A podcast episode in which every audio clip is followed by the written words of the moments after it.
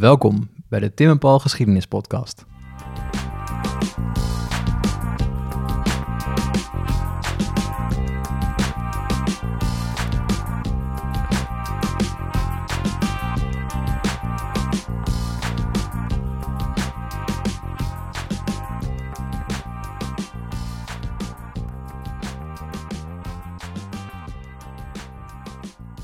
Als er goede wind staat, dan ga je zeilen.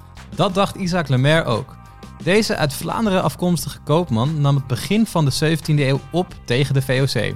Lukte het zijn zoon om een route onder Zuid-Amerika te vinden? En wat was het belang daarvan? We bellen in bij Tom Djeusaar, verslaggever bij de VRT en kenner van Patagonië, Vuurland en Kaap Hoorn. Hij schreef het boek Rond de Kaap. Isaac Lemaire contra de VOC.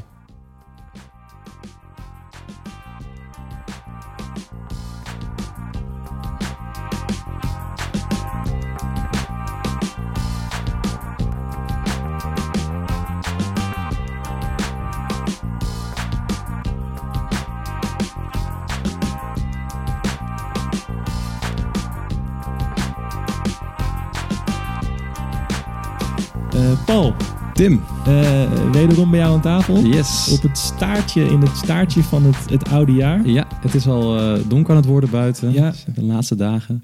En het is wel heel leuk. Misschien hebben we nu wel iemand te gast die het verst is wat we ooit hebben gehad. Dat denk ik toch de gast is in ons Dat denk ik wel. Ja, eh, normaal gesproken zitten we met z'n drieën aan tafel of soms met z'n vieren. En nu zitten wij met z'n tweetjes, maar we hebben wel iemand aan de telefoon. En het is eigenlijk...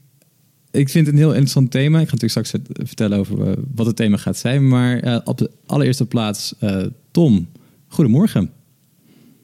Goedemiddag. Goedemiddag. Goedemorgen. Ja, voor ons is het middag en voor jou is het morgen, want eh, jij zit in. Argentinië. Ja, inderdaad. Ja. Met eh, vier uur verschil. Ja. Vier uur verschil. En jij, jij woont en werkt daar.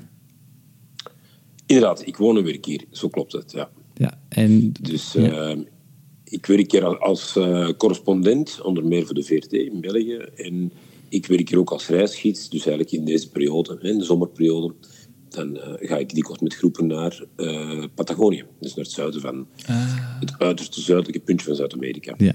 Oh, wat cool, ja. Ik, ben, ik ben lichtelijk jaloers. Ehm, trouwe luisteraars van onze podcast weten dat ik daar ook een aantal jaar geleden heb rondgezworven. En nog steeds met heel veel weemoed aan die tijd terugdenk. Eh, en op dit moment zit ook een goede vriend van mij, zit daar ook. Dus ik krijg om de havenklap foto's van hem. En dan denk ik, ja, was ik maar daar in plaats van in, eh, in Nederland. Ehm, dus hopelijk dat je, dat je ons ook een beetje warm kan maken met, eh, met jouw verhalen, Tom. Ehm sowieso eh, nog heel erg bedankt dat je tijd hebt voor ons zo, zo last minute. Want jij werd ons aangeraden door een trouwe luisteraar van ons. En die, zei, die was bij een lezing van jou in Hoorn. En die Dat zei, klopt. die moet hem vragen, want hij heeft een pracht van een boek geschreven. Een pracht van een verhaal. En we gaan het over dat boek hebben vandaag. En dat heet Ja. Rond de Kaap. Hou mij niet langer in spanning. Paul, waar gaan we het over hebben? We gaan het hebben over Isaac Lemaire. Daar heb ik wel eens van gehoord. Ja, en eh, Tom, ehm, waar hebben we het over? Welke periode? We hebben het over de 16e eeuw, einde 16e eeuw en het begin van de 17e eeuw. Dus eigenlijk een, eh, een beetje een scharniermoment tussen eh, wat wij in België de Gouden Eeuw noemen van Antwerpen en dan wat ze dan in, in Nederland de Gouden Eeuw hè, van Nederland noemen.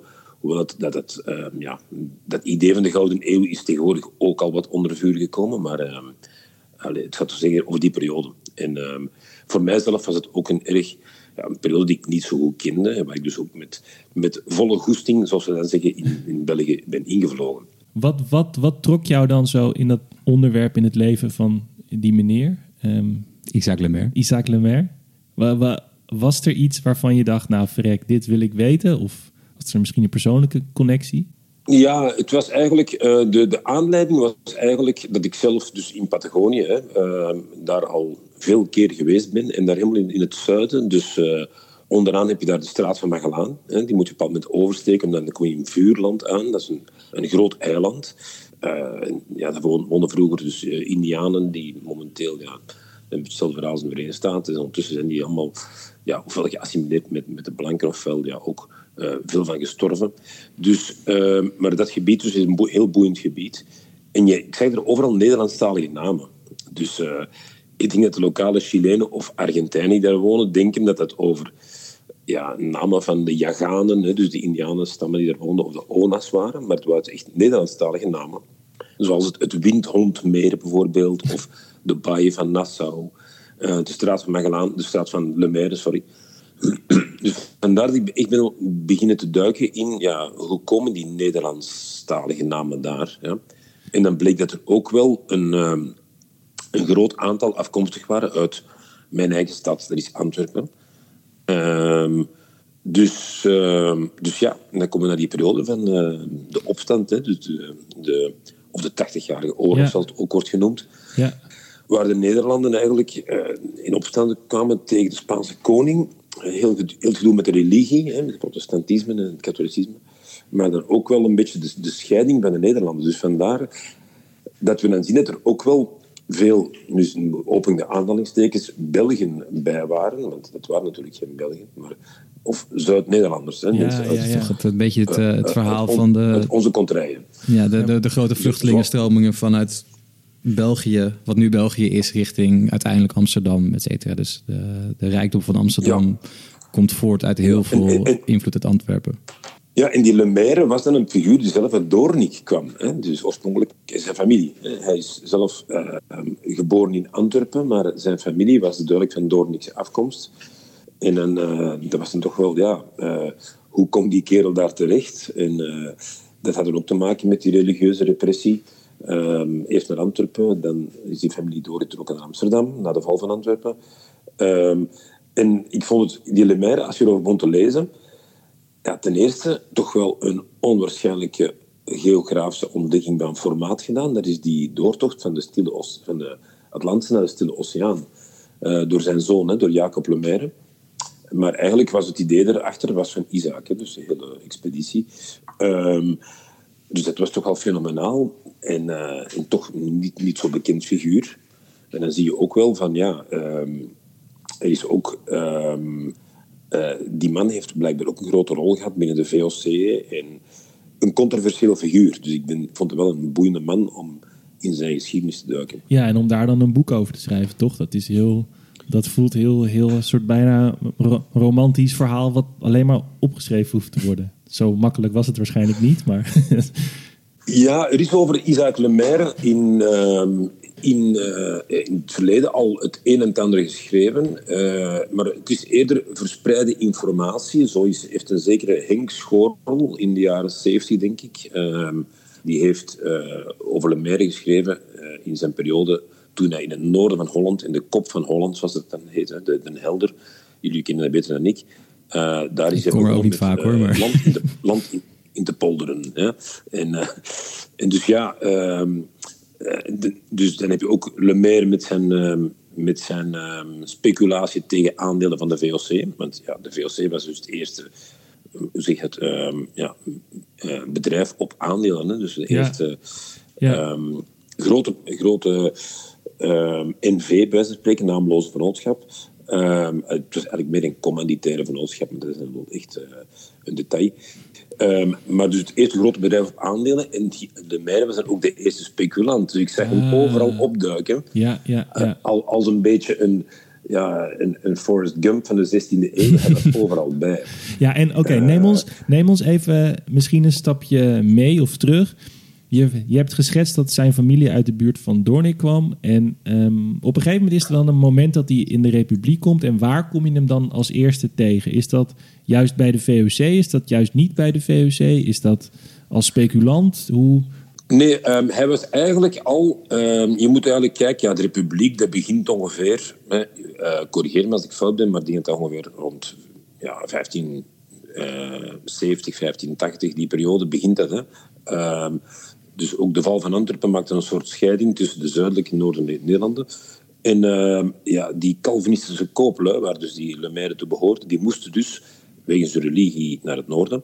Komt in Amsterdam terecht.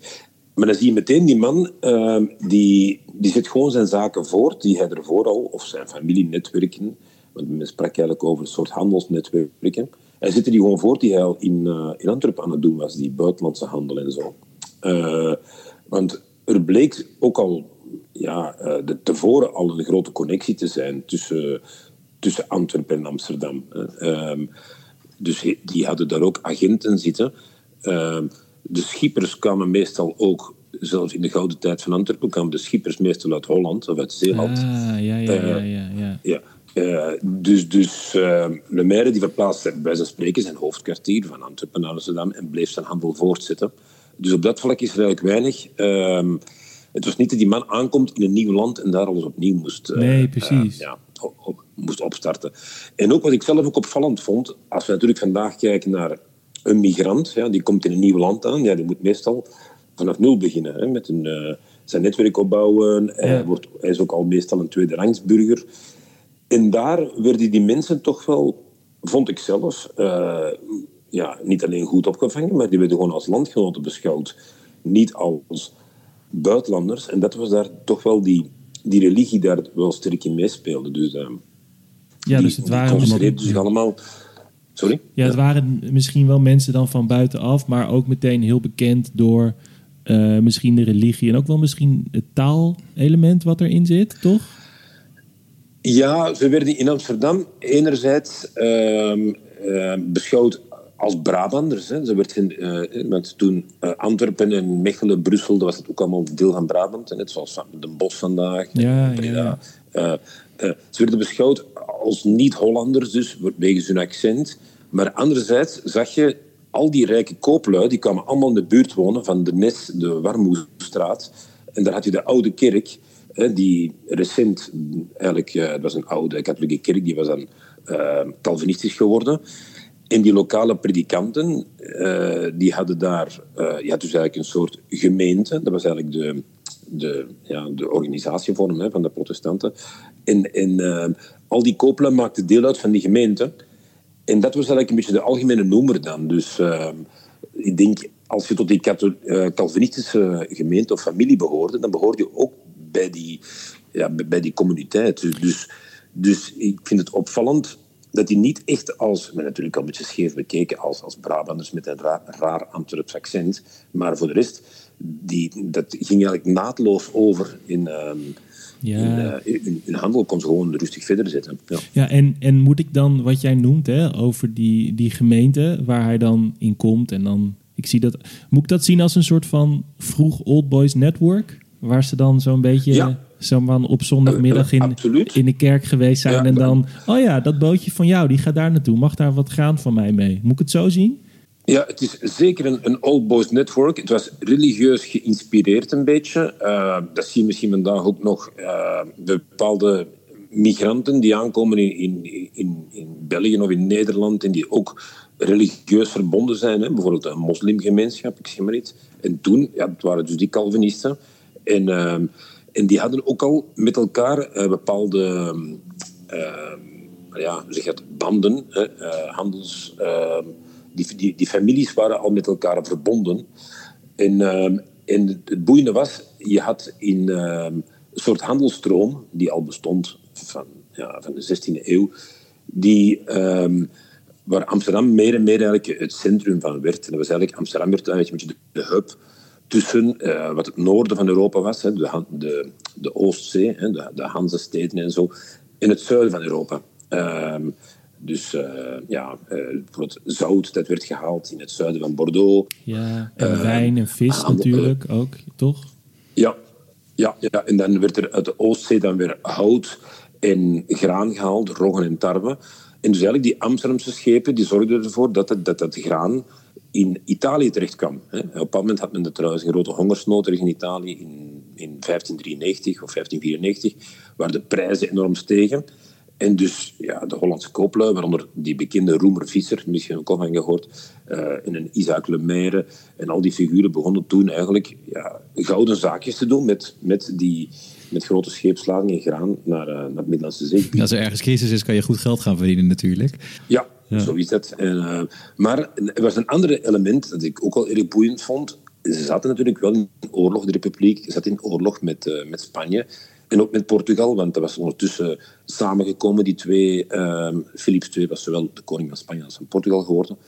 Ehm, dus er werden met regelmaat van de klok schepen uh, geconfiskeerd. Hollandse schepen.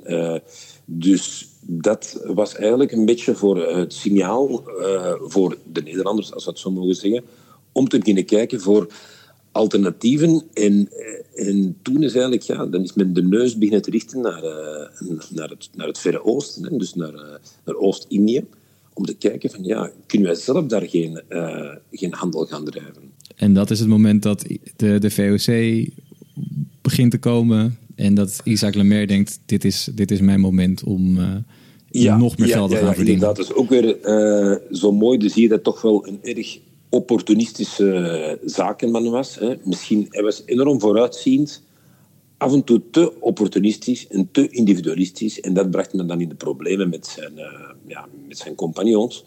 Uh, maar je kreeg dus al einde, helemaal op het einde van de 16e eeuw, dan begon men, ook juist vanuit die oude kerk waar ik er juist al over had, uh, daar was een zekere predikant, een, een zekere Plantius, uh, die was trouwens uh, afkomstig van West-Vlaanderen, van ergens de grens met Frankrijk. Dus dat is nog een keer een, een, argument om te zeggen van die mens die mensen werden helemaal niet als buitenlanders beschouwd. Integendeel, die was, een gerespecteerd predikant in Amsterdam en sprak waarschijnlijk West-Vlaams. Dus was ehm, hij was een deel van die, van die uh, communiteit. En die Plantius die begon echt ehm, eh, te, te, te, hameren in zijn, in zijn toespraken op de noodzaak om naar Indië te gaan. En, en lag mee aan de basis van de eerste compagnie, dat was de compagnie van Verre. Uh, waar een aantal, aantal Amsterdamse rijke kooplui waren ingestapt. En ook een aantal Zuid-Nederlanders. En dat was 1595, denk ik. En toen zijn ze begonnen met eigenlijk uh, ja, naar Oost-Indië te varen. Die eerste schipvaart, zoals het dan heette. Dat was geen groot succes, maar dat was het aan het begin eigenlijk. Daar werden de fundamenten gelegd ehm, van de VOC. Want achteraf ontstonden er allemaal andere compagnies en die werden dan uiteindelijk samengebracht tot één, via één grote monsterfusie in 1602, waar dus ook uh, Le Maire uh, een belangrijk aandeel in had. De, de ondertitel van jouw uh, boek is, uh, dus de titel is Rond de Kaap en dan is het de ondertitel Isaac Le Maire contra de VOC. Dat klopt. Ja, ja. dus hij zit bij de VOC. Hij uh, kent al deze mensen. Dit zijn, uh, wat Tim net zegt, uh, wat jij beaamde. Het is een old boys network. lekker op zondag naar de kerk, naar Petrus Plantius luisteren en daarna handel drijven. En vervolgens gaat hij zich afzetten. Ja, dat is inderdaad een boeiend verhaal. En daar heb ik het laatste nog niet van gehoord. Ik heb zelf in mijn boek een paar nieuwe elementen kunnen bijdragen dankzij een een student uit Gent die, uh, die dus paleografie uh, studeert en oude teksten heeft voor mij vertaald, hè, getranscribeerd. Maar uh, de ruzie tussen Isaac Lemaire begint eigenlijk met de zogenaamde bonnetjesaffaire. De, de, de, bonnetjes of de bolletjes? De, ja, dat wordt, dat wordt zo genoemd, de bonnetjesaffaire. Of hij had dus blijkbaar de de directeurs van die VOC die werden de bewindhebbers uh, genoemd. Hè. Dat is nog denk ik, een woord dat nog altijd in, redelijk in zwang is in, uh, in Nederland. De bewindhebbers waren eigenlijk de directeurs. En er waren ook groot aandeelhouders. Dat waren eigenlijk ja, de, de houten methoden van, van die maatschappij. En, die, en die, die hadden dus ook het geld om die, om die expedities, om die schepen van de VOC uh, ja, eh, dus, ehm, te voorzien van allerlei goederen om dat te gaan verkopen en te ruilen in, in uh, Zuidoost-Azië. En Lemaire had blijkbaar bij een, een, een, vorige schipvaart, nog niet de VOC zelf, maar in 1602, in het voorjaar, toen de VOC nog niet gestart was, want die is pas gestart in, in september 1602, had hij blijkbaar geen uh, kwitanties ingeleverd voor een aantal van die... Uh, ja, ja, dan gaat het mis. Dat vind ik, ja. ja. En, en ik heb daar leuke commentaren over gehoord. Dat hij meteen, ja, maar dat is natuurlijk... Hè, de, uh, hij met zijn Belgische manieren en die komt dan terecht bij de, bij de meer Calvinistische stijl van... dat ja, moet, dat moet wel misgaan, toch? Ja, ja. ja, ja. Um, uiteindelijk bleek het te zijn, en dat is mijn theorie, ik weet ook niet of het 100% klopt, maar als ik dan zie met wie hij in de clinch gaat, dat waren allemaal kopstukken van zijn vorige concurrerende van die compagnie van Verre, die achteraf de oude compagnies gaan heten. Dus eigenlijk, terwijl Lemaire bij de Brabantse compagnie zat. Volgens mij was het gewoon, uh, het waren voormalige concurrenten die werden samengebracht in eigenlijk een soort onwerkbaar systeem, want iedereen werd daar directeur benoemd bij de VOC. En men had dus 77 directeurs. Ja. En dat, dat, gaat lekker samenwerken, ja. Ja, dat ging niet goed met al die ego's natuurlijk. En eh, het grootste ego was die Lemaire, want hij was ook de grootste investeerder geweest. Ja, en, uh, dus hij dacht dan, nee, oké, ik stap hieruit. Uh, ik stap hieruit. Uh, de, of hij werd naar de uitgang geduwd door zijn, door zijn tegenstanders. En hij dacht van, hij is er eigenlijk redelijk snel uitgestapt. Ik weet, misschien dacht hij van, van zichzelf, ja, die VOC, dat wordt toch niks. En ik ben gewoon met mijn eigen compagnie. Maar uh, toen bleek toch wel dat, dat de VOC op termijn wel uh, succesvol werd. En vooral, die had een monopolie. Dus uh, alles draaide rond die Oost-Indië-handel. Ja, en ja. Le Maire kreeg meer en meer door dat hij geen, nergens een voet aan de grond kreeg. Dus begon hij dat monopolie aan te vallen op alle mogelijke manieren. Ehm, persoonlijke brieven aan Otto Barneveld. Uh, hij probeerde een concurrerende compagnie op te richten met de Franse koning. Hij heeft gespeculeerd tegen de aandelen van de VOC om de VOC te doen crashen, bij wijze spreken. Maar, dus vandaar maar, ook...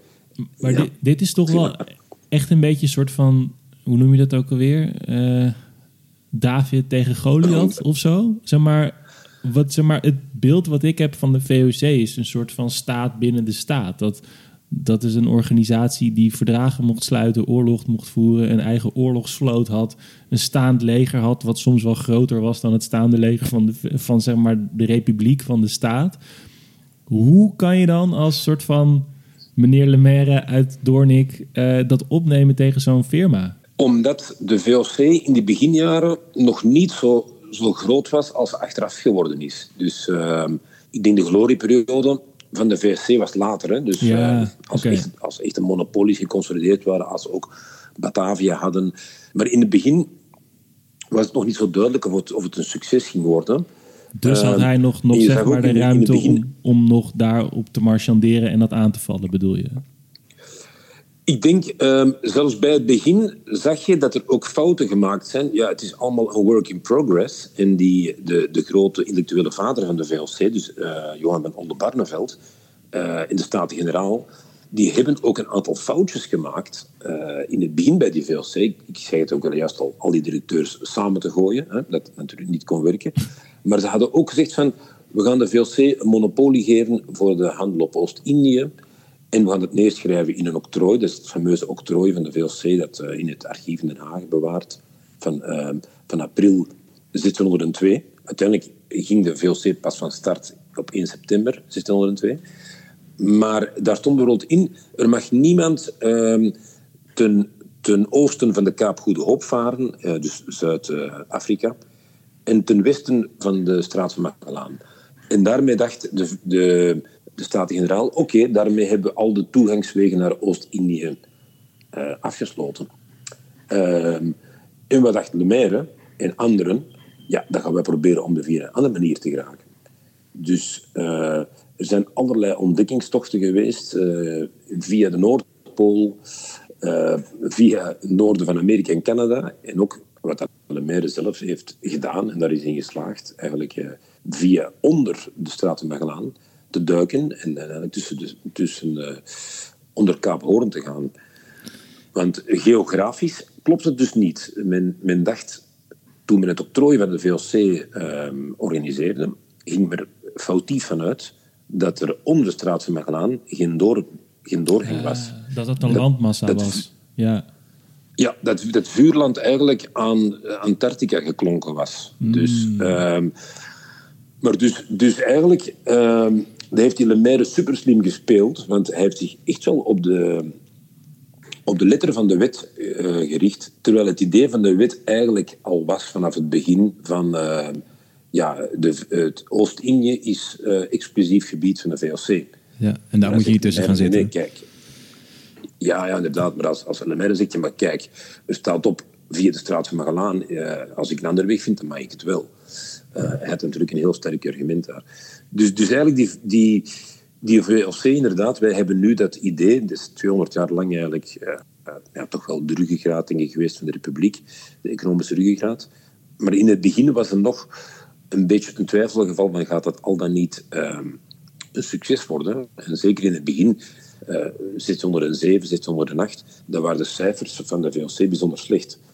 En er was er ook heel veel protest van die aandeelhouders van ja, geef ons geld terug, want er wordt hier niks. En dus nog op een gegeven moment ontdekt Lemaire dan dat je daar nog onder er wel langs kunt. Maar zeg maar, ik, ik heb altijd gehoord dat zeg maar, de Kaaphoornronde, dat dat best wel een ding is. Je hebt ook nu nog in Nederland de Vereniging van Kaaphoornvaarders. Dan krijg je een medaille ook en zo, toch? Ja, tuurlijk. Dat, uh, ja, ja, ja, maar kan je dat een beetje schetsen? Is dat echt zo dat je dan onmiddellijk met je boot op, op, op een klip slaat en zo? Of is, is dat te doen überhaupt? En, en waarom is dat zo wild daar? Ja, het is, het is een goede vraag. Men, men, denkt van, ja, is het dan een beter alternatief in de straat van Magellaan? Uh, de straat van Magellaan, ja, er is geen kanaal zoals het Panama-kanaal. Er is eigenlijk een natuurlijk door de gletsjers gevormde uh, waterweg. Uh, en dat is een super moeilijke weg ehm, om, te nemen. En Magellaan heeft er maanden over gedaan. De volgende expedities die het geprobeerd hebben in de 16e eeuw waaronder de eerste uh, Nederlandse. Er was een expeditie door Zuid-Nederlanders die naar Rotterdam waren gevlucht, ehm, door een zekere Van der Veken, Johan van der Veken, uitgerust. Ehm, dat was een, een, ehm, ja, een compleet fiasco geworden. Het was de, de, de expeditie van Mahu en de Koordes. daarna heeft Van Noord erdoor gevaren. Dat was ook een, een, een totale ramp geworden met heel veel manschappen en schepen verloren. Dus die straat van Magellaan is erg, erg moeilijk om door te varen wegens stromingen, um, zandbanken. Men heeft er ja, enorme tegenwind. En, en daartegenover was het ronde van de Kaap Hoorn um, van Le Maire heeft maar een paar dagen geduurd. Tegenover maanden door de straat van Magellaan. Dus op dat vlak was het een grote verbetering. Uh, maar ik moet wel zeggen, ik denk dat uh, Jacob Lemaire, of Jacques Lemaire, de ontdekker van Kaap Hoorn, dat hij wel op dat, op dat moment geluk heeft gehad met, met goed weer. Want het kan er heel zwaar stormen aan Kaap Hoorn. En dan zit je natuurlijk in de problemen. Ja. En dat heeft onder meer te maken... Uh, ja, er is sowieso heel veel wind. Maar ook die twee oceanen die er samenkomen, die zorgen voor ongelooflijke golven. Dus uh, het is, het is een, een, een weg... Men, kan er niet op, uh, men gaat er niet op, op, op klippen varen of vastkomen zitten van de straat van Magellaan, maar men kan er wel enorme ja, moet dus een enorm beslagen zeeman zijn om daar door te kunnen komen. Wat me een beetje bijstaat uh, van dat gebied daar, en dat zal, zal jij hopelijk uh, beamen, want jij komt er veel vaker dan, uh, dan ik. Maar de, het waait heel hard daar. En dat zeg ik als Nederlander, die nu naar buiten kijkt en allemaal mensen met gezonde tegenzin op de fiets tegen de wind in zien fietsen. We zijn wel wat gewend qua wind hier, maar dat is niet normaal daar. Ja, inderdaad. En uh, het kan er soms, ik heb er al meegemaakt, dat er meer dan 100 kilometer wind staat, uh, zelfs 120, dat je echt door, door een bergpas loopt en dat je echt ja, van je sokken wordt geblazen. Hè, dat je echt uh, omvalt. Dus die winden zijn erger nog in de zomer, omdat je dan eigenlijk een groot verschil krijgt tussen eigenlijk, die Andes en, die, die grote ijsvlakte die je daar hebt en de opwarmde lucht.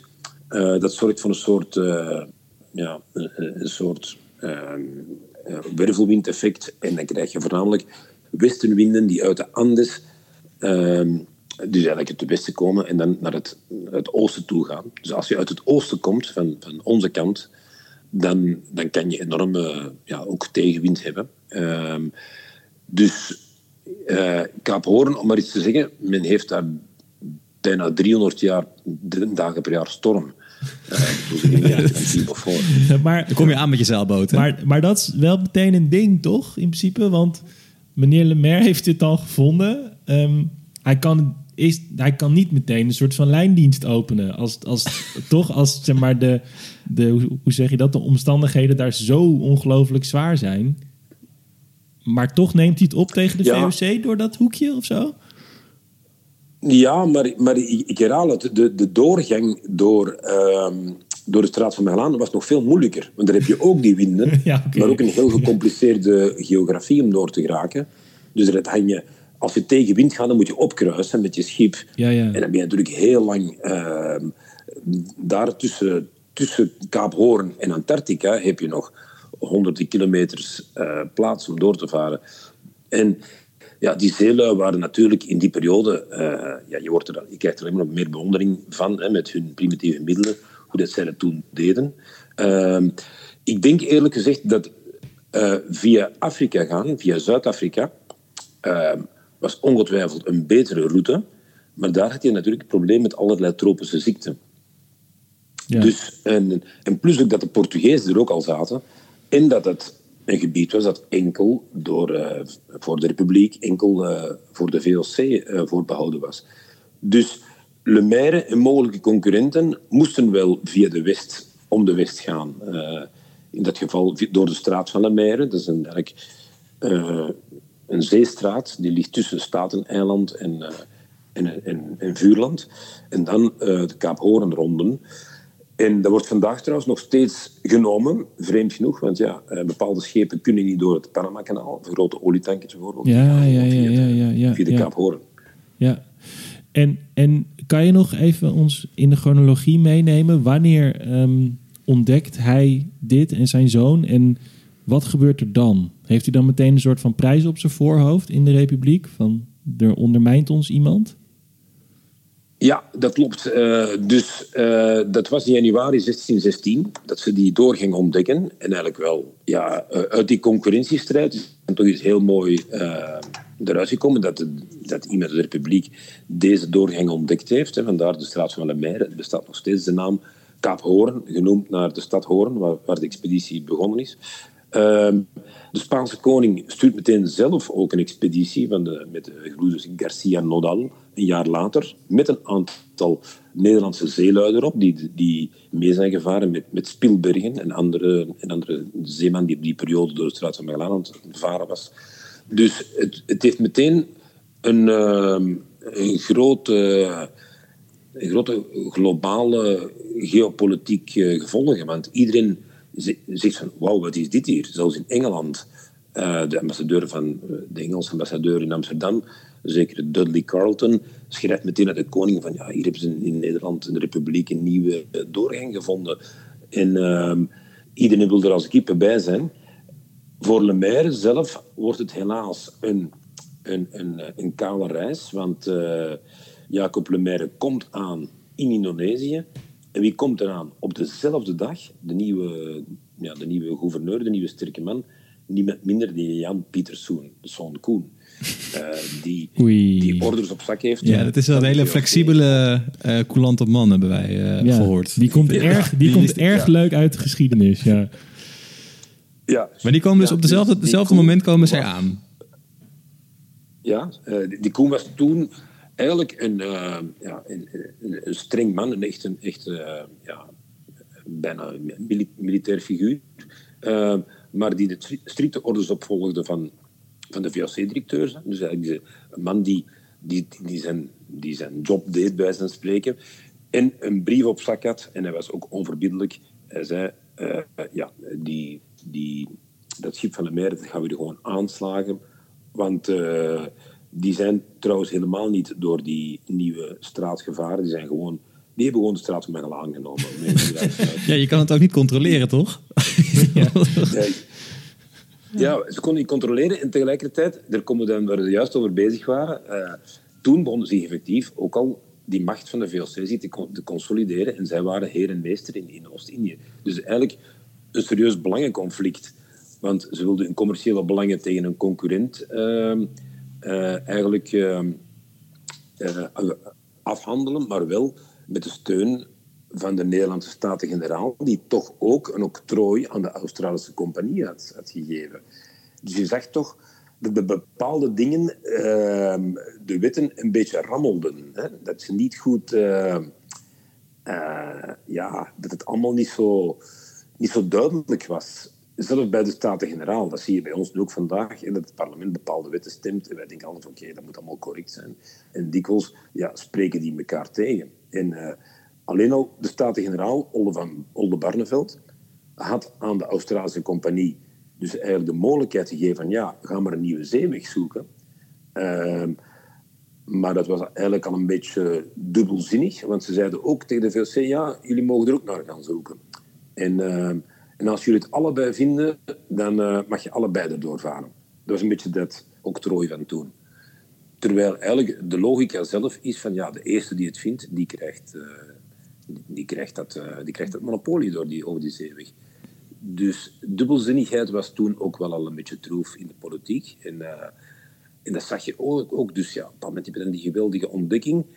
En daar zit de Staten-Generaal natuurlijk met een serieus probleem in de maag, wat ze niet hebben kunnen oplossen. Van, ja, moeten we nu die, die Australische compagnie gelijk geven, die die weg hebben gevonden? Of moeten we het uh, monopolie van de VOC blijven, blijven steunen? En waar kiezen ze uiteindelijk voor? Ja, dat is misschien een beetje een spoiler alert. Hè? Dus uh, dat staat dan allemaal in het boek. of, uh, maar in ieder geval, ja, zoals hij zelf al in het begin aangaf, de strijd die Lemaire aanging als uh, koopman, weliswaar waar rijke koopman uit Antwerpen, met Doornikse roots, ja, tegen een grote multinational, die tegelijkertijd ook eigenlijk een staatsmultinational was, was een strijd die hij niet kon winnen. Hè. Uh, hij is misschien wel als morele winnaar uit het uh, strijdperk getreden, maar, maar dus financieel heeft het hem, geen, uh, heeft het hem weinig voordeel opgeleverd, in tegendeel.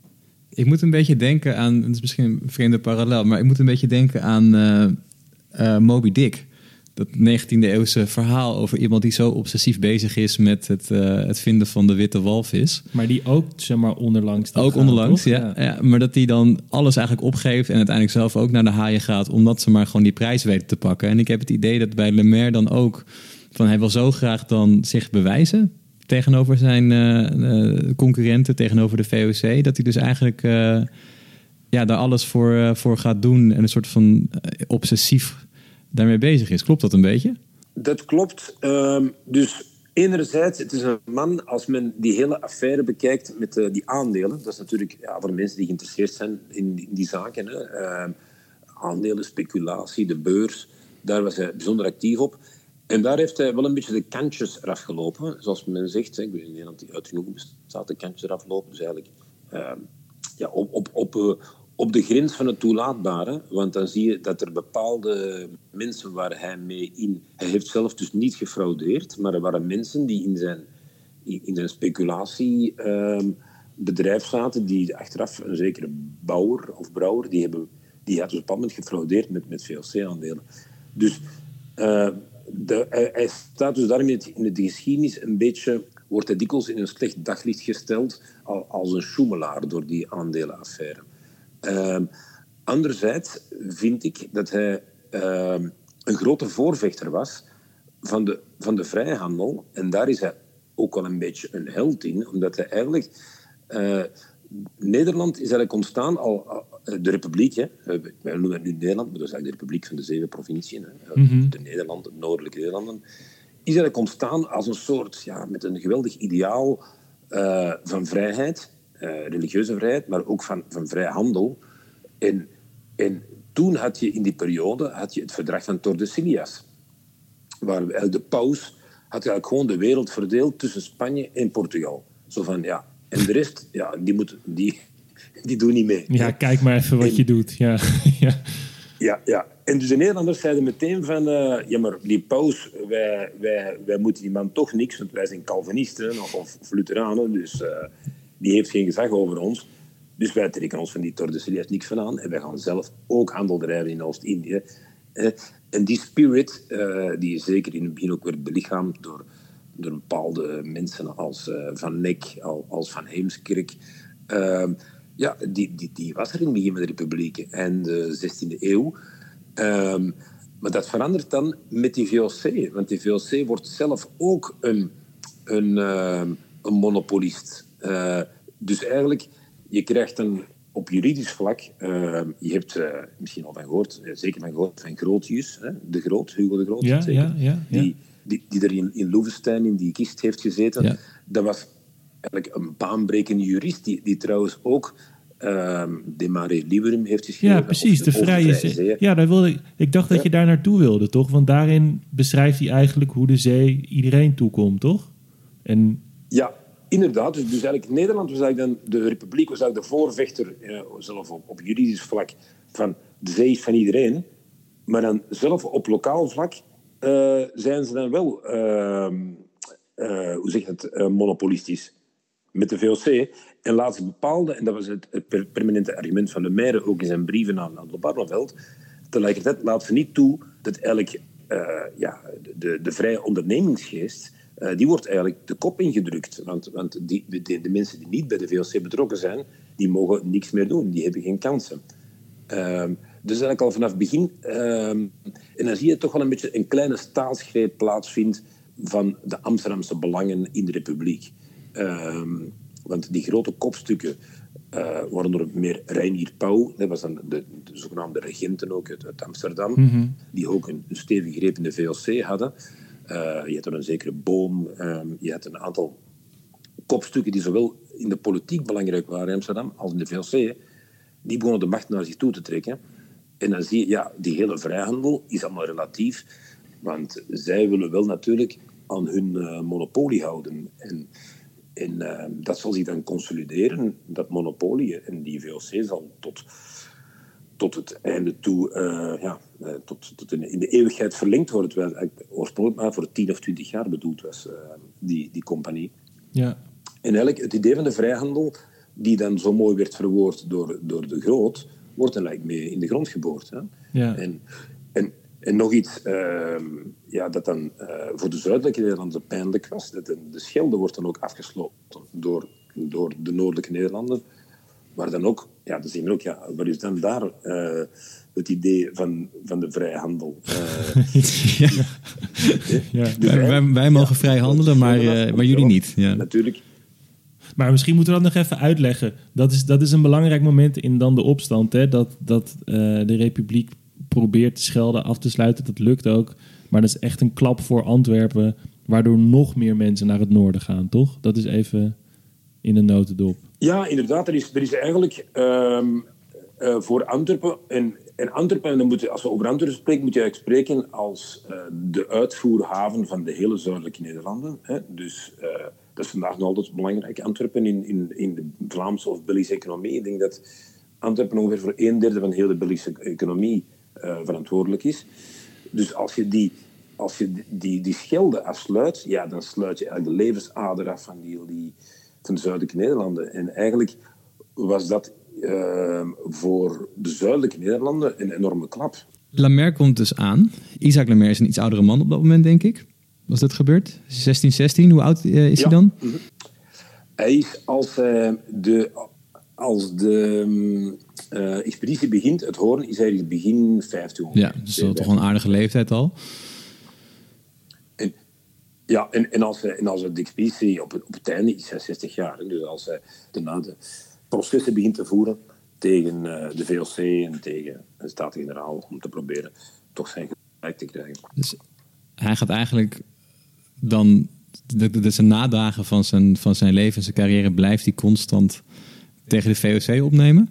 Ja, en uh, het is eigenlijk wordt, wordt die hele zaak uh, van die ontdekking wordt eigenlijk, uh, want hij, hij had eigenlijk, allez, we spreken over Lemaire, maar hij had dus verschillende partners ook in de Australische compagnie, mensen uit Horen.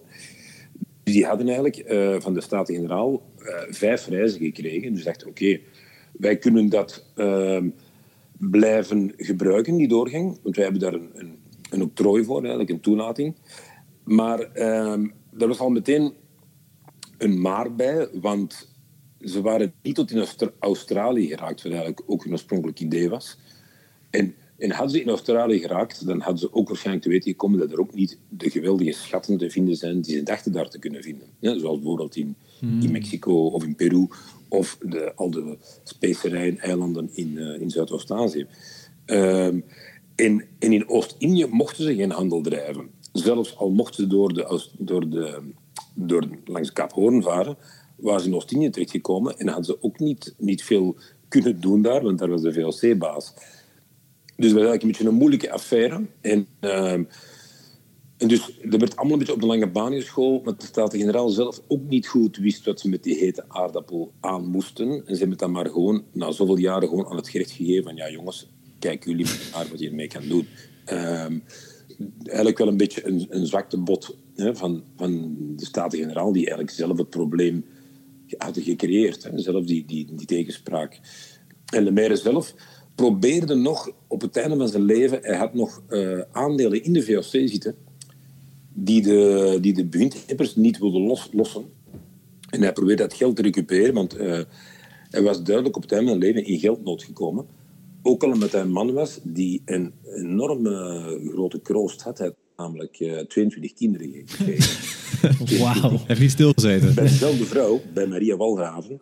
Uh, maar dus van die kinderen, uh, ja, er waren misschien 16 of 14 of zo die overleefd hadden en waar we de namen nog van kennen. En ehm, dus zijn, zijn laatste fase van zijn leven probeert hij dus zijn aandelen uit de VOC en uit een vorige compagnie, die van Van Warwijk, probeert hij te recupereren via allerlei rechtszaken en zo. Maar daar ook, uh, ja, dat is een, een, moeilijke zaak natuurlijk. Hè. Dus uh, daar moet hij het onderspied delven. Uh, maar is uiteindelijk toch niet helemaal failliet uh, gestorven. Ze zijn toch wel zo slim geweest om nog een appeltje voor de dorst te... Er zijn 16 kinderen die hebben het nog redelijk kunnen volhouden. de 16 die er over zijn van de 22. ja, en, en, en, een van die figuren, dat is, misschien voor een vervolgverhaal erop, was een zekere Alexander Lemaire. Die is achteraf gewoon doodleuk voor de VOC gaan werken. En die is uh, trouwens uh, gouverneur geworden in Taiwan. En, uh, en daar is schijnt ook een heel boeiende verhaal over te vertellen. Want die, die man heeft er blijkbaar bepaalde ah. de, de, bakstenen huizen ingevoerd in Taiwan. Met, met, daarvoor bouwde men op met bamboe. Dus, dus ja, ik denk eens dat Isaac er niet meer was, dat was toch wel een moeilijk man, een conflictief persoon. Zodra Isaac er niet meer was, dan, dan ja, en dan er ook misschien zijn zoon uh, zijn kans om gewoon weer een beetje geld te verdienen bij de VOC, toch? Tegen alle principes van pa in. Ja, inderdaad. Dat is ook wat je meteen zou denken. Hè? Van, uh, waarom ga je nu uiteindelijk bij die werkgever werken waar je vader heel zijn leven lang uh, in... ja, ruzie mee heeft gehad. Klinkt toch een beetje vreemd, ja. ja, ja. ja ik, ik, vind trouwens ook, als je, als je kijkt uh, naar die periode, hoe dat ja, uh, zoals we weten, dus Le Maire uh, krijgt ruzie met de VLC al vrij snel in het begin, na de stichting van de ik denk in 1604. Uh, dan in 1605 de, gaat hij weg uit de VLC. Maar dan zie je dat hij nog gewoon vrolijk handel drijft en aandelen koopt en verkoopt met, voor, met zittende bewindhebbers van de VLC. Dus mannen met, met wie hij zogezegd in conflict is, daar blijft hij gewoon rustig handel mee drijven. Dus op dat vlak uh, was men vroeger, denk ik, redelijk pragmatisch. Uh, en werden dan toch maar die, ja, als er geld mee te verdienen was, dan werden die principes gewoon uh, opzij gezet. Ja, dat klinkt ook misschien wel een beetje tijdloos. Hè? Dat, dat, dat herken ik ook wel een beetje in de tegenwoordige tijd. Maar Um, het is mijn vaste opmerking. We zijn alweer een, bijna een uur onderweg. Uh, we willen ook niet te veel tijd van jou, uh, van jou opnemen. Paul, zoals gebruikelijk, heb jij nog een laatste vraag? Laatste vraag. Nou ja, uh, want je had het net over Alexander Le, Alexandre Le, Lemaire. Um, de vraag is heel simpel. Uh, ga je daar een boek over schrijven? En uh, als dat af is, kunnen wij dan uh, langskomen in Buenos Aires? Je mag zeker langskomen in Buenos Aires. voor Alexander Lemaire, ik ben voorlopig gewoon getriggerd, want er was heel leuk in, uh, in Egmond, waar ik dus een, uh, een, toespraak heb mogen geven voor het historisch genootschap van Egmond. Daar is de voorzitter, die komt heel veel in Taiwan, want die werkt met chips en zo. En die gaat binnenkort... ik heb hem gevraagd, ja, je moet zeker een keer een verhaal schrijven over de, het legaat van die Alexander Lemaire in Taiwan. Hè. Ehm, dus een nieuw boek, dat kan ik nog niet garanderen, want ja, een nieuw boek is elke keer een hap van twee jaar uit je leven. en dan zou ik ook gewoon naar Taiwan moeten gaan natuurlijk. Hè. Natuurlijk ook geen, eh, geen, eh, niet, niet echt bij de deur. Ehm, maar het is, wel, het is wel, ik vind het gewoon heel leuk, en dat vind ik ook zo boeiend aan de geschiedenis, als je ziet hoe het heden en het verleden samenkomen. En als je in het heden ook het verleden ziet. Als je bepaalde dingen over het verleden leert, en dan zie je, ah ja, dat komt dan daardoor. En uh, die, uh, waar ik die toespraak heb gehouden uh, in Egmond, dat was dan toevallig in het huis van Alexander Lemaire. Uh, want die is dan nog burgemeester geweest van, van Egmond. Egmond aan den Hoef. Oh, wauw. Um, dus ik vind dat... Ehm, ja, ik vind dat boeiend hoe dat al die, um, al die zaken komen opduiken. En daar wordt hij dan door getriggerd en dan, ja, dan wordt mijn speurneus wakker en dan wil ik er meer over weten. En, en dat zal bij jullie helemaal niet anders zijn, denk ik. Uh, die, die nieuwsgierigheid. Die, uh, want de geschiedenis die bekend staat, ja, die, die staat al op internet of in geschiedenisboeken. Maar dingen die nog niet bekend zijn, uh, ja, het is toch altijd wel leuk om om daar naar op zoek te gaan, denk ik toch. Hey, dat zal bij jullie ook zo zijn. Dat uh, herken ik wel uh, ja, een klein beetje. Dat gevoel is heel herkenbaar. Ja. Misschien is dat wel een mooie afsluiting. Dat lijkt me, lijkt me heel goed. Dan laten we, laten we het dan zo zeggen. Als dat boek er komt, dan uh, komen we wel langs. Of, dan, of wat, wat we ook kunnen zeggen, is als iedereen die dit nou geluisterd heeft, jouw huidige boek gaat kopen Hè, dan is er misschien weer een beetje budget voor het volgende boek en de reis naar Taiwan. misschien is dat nog een leuke oproep aan de luisteraar. Ja, het, het, klinkt, uh, het klinkt uh, als een geintje, maar het is, uh, ik denk de grote motivatie naast de nieuwsgierigheid is ook de, natuurlijk de feedback die je krijgt van mensen. Hè? En, en, als mensen mijn boek goed vinden en ik krijg er commentaren over, ja, dat is natuurlijk de grootste motivatie om dan verder te zijn. Jullie zijn absoluut uitgenodigd in Argentinië. Dus dat, is, uh, dat hoeft niet gezegd uh, te worden. Het staat nu op tape, hè? Ja, precies. We houden jullie nu aan, ja. ja, jullie, jullie zijn uh, absoluut hier uitgenodigd. Dan moeten we nog de link vinden tussen Argentinië en, en, en Taiwan. Hè, in het geval van, van, van Alexander Lemaire natuurlijk. Maar ik kan u één ding zeggen. Het, het, leuke is, ik krijg nu regelmatig van bepaalde mensen, onder meer een professor, een professor uit, uit Amerika, die Lemaire heet de vraag zegt, Tom, weet je of, of ik familie ben van die, van die Isaac Lemaire? En ik, ik weet hoegenaamd niks van genealogie. Dus uh, ja, dat is een, een discipline op zich, hè, dat je moet gaan opzoeken. Ja, ja, ja. ja als, alle, als, als, als Isaac 22 kinderen had... En als die anderen zich ook allemaal zou voortplanten, dan is, zijn er best wel wat Lemaires op de wereld, geloof ik. Ja, ik denk dat er ook in Nederland ook wel behoorlijk wat Lemaires moeten rondlopen. Hè? Toch wel ook een, opvallend Franse naam in Nederland. Uh, maar zijn die de familie van die Isaac of komen die van een andere tak? Uh, ja, dat is toch wel een, een ander paar mouwen om dat uh, te gaan uitzoeken. Maar het is inderdaad wel, ja, alles qua autoriteit. Dus ehm, het is zeker interessant. Maar ja, de vraag is van, gaan we daar onze, onze tijd in steken? Hè? Tom, mogen we jou hartelijk, hartelijk danken voor, jou, voor jouw verhaal. En dat je bij ons te gast wilde zijn in, de, in de dus, podcast. Uh, volledig. Uh, ik wil jullie bedanken voor de, allez, voor de mogelijkheid om uh, dit verhaal te vertellen. Dus ik hoop dat jullie het interessant vonden. Of toch er een paar nieuwe dingen verteld zijn die nog, nog niet wisten. Ja, ja zeker. zeker. zeker. was heel cool. Dankjewel.